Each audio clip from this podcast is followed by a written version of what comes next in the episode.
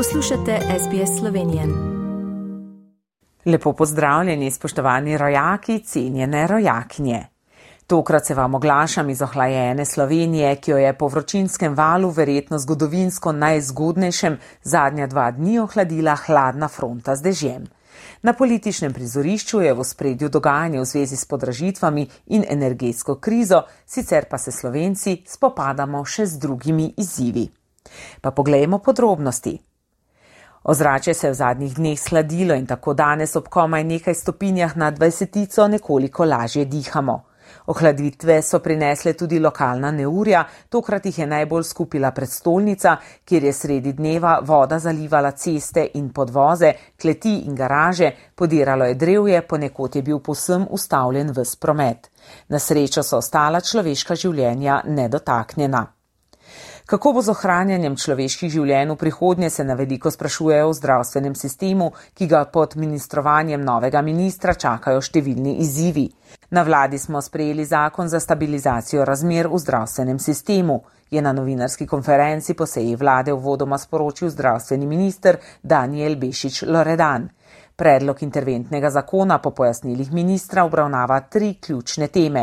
Plačane bodo vse storitve v zdravstvenem sistemu, spremenjena bo sestava svetov zavodov v ustanovah, katerih ustanoviteljica je država, v načrtu pa je tudi stabilizacija primarne ravni zdravstva.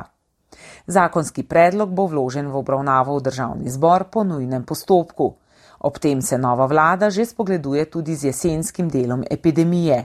Trenutno se število okuženih ponovno dviga, kot pravijo odgovorni, pa bo v jeseni poskrbljeno za vse, predvsem pa bo velika odgovornost na vseh posameznikih, da se ustrezno zaščitijo in s tem preprečijo širjenje koronavirusa. Ni pa zdravje edina skrb, s katero se te dni ukvarja slovenska politika. Na mizi imajo številne različice ukrepov, ki bi lahko zaezile dražitve energentov in predvsem pomagale ljudem pred prihodnjo zimo in kurilno sezono. Kako draga bo ta in kdo si bo lahko ogrevanje sploh še privoščil, bo tema naslednjih tednov.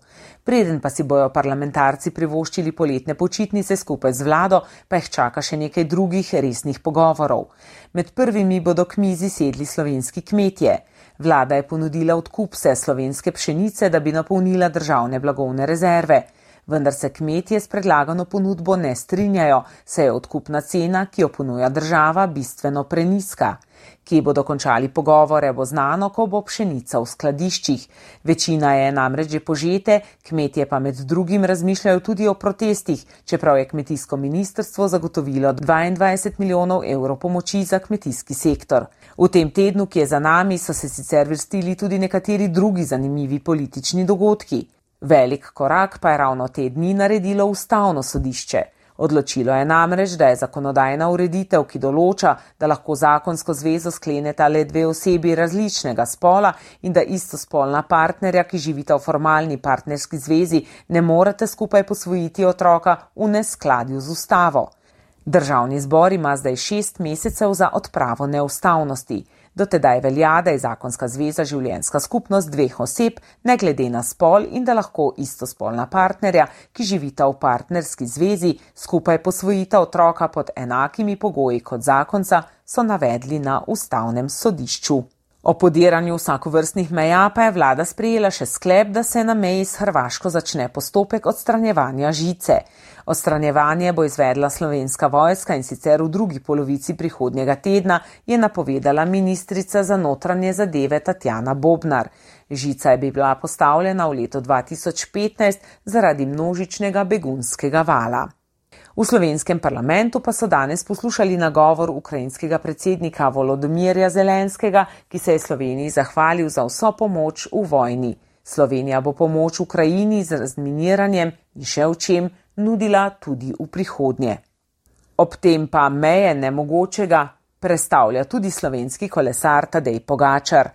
Na dirki po Franciji, znamenitem Tour de France, je že v začetnih etapah nadel rumeno majico, včeraj pa na zadnje zmagal na osmi etapni dirki na enem od usponov po Franciji. V teh dneh je že slavila tudi Janja Garmbret, plezalka, ki pobira kolajne na svetovnem pokalu. Na sredozemskih igrah v Alžiriji pa so naši mladi športniki pobirali kolajne tudi v drugih disciplinah. Neuspešnejša športnica je bila plavalka Janja Šegel, ki je popravila tudi izide državnih rekordov. Da bodo poletni meseci prijetni kljub strahu pred prihajajočo zimo, bodo zagotovo skrbeli športniki, na drugi strani pa glasbeniki številnimi poletnimi festivali in nastopi.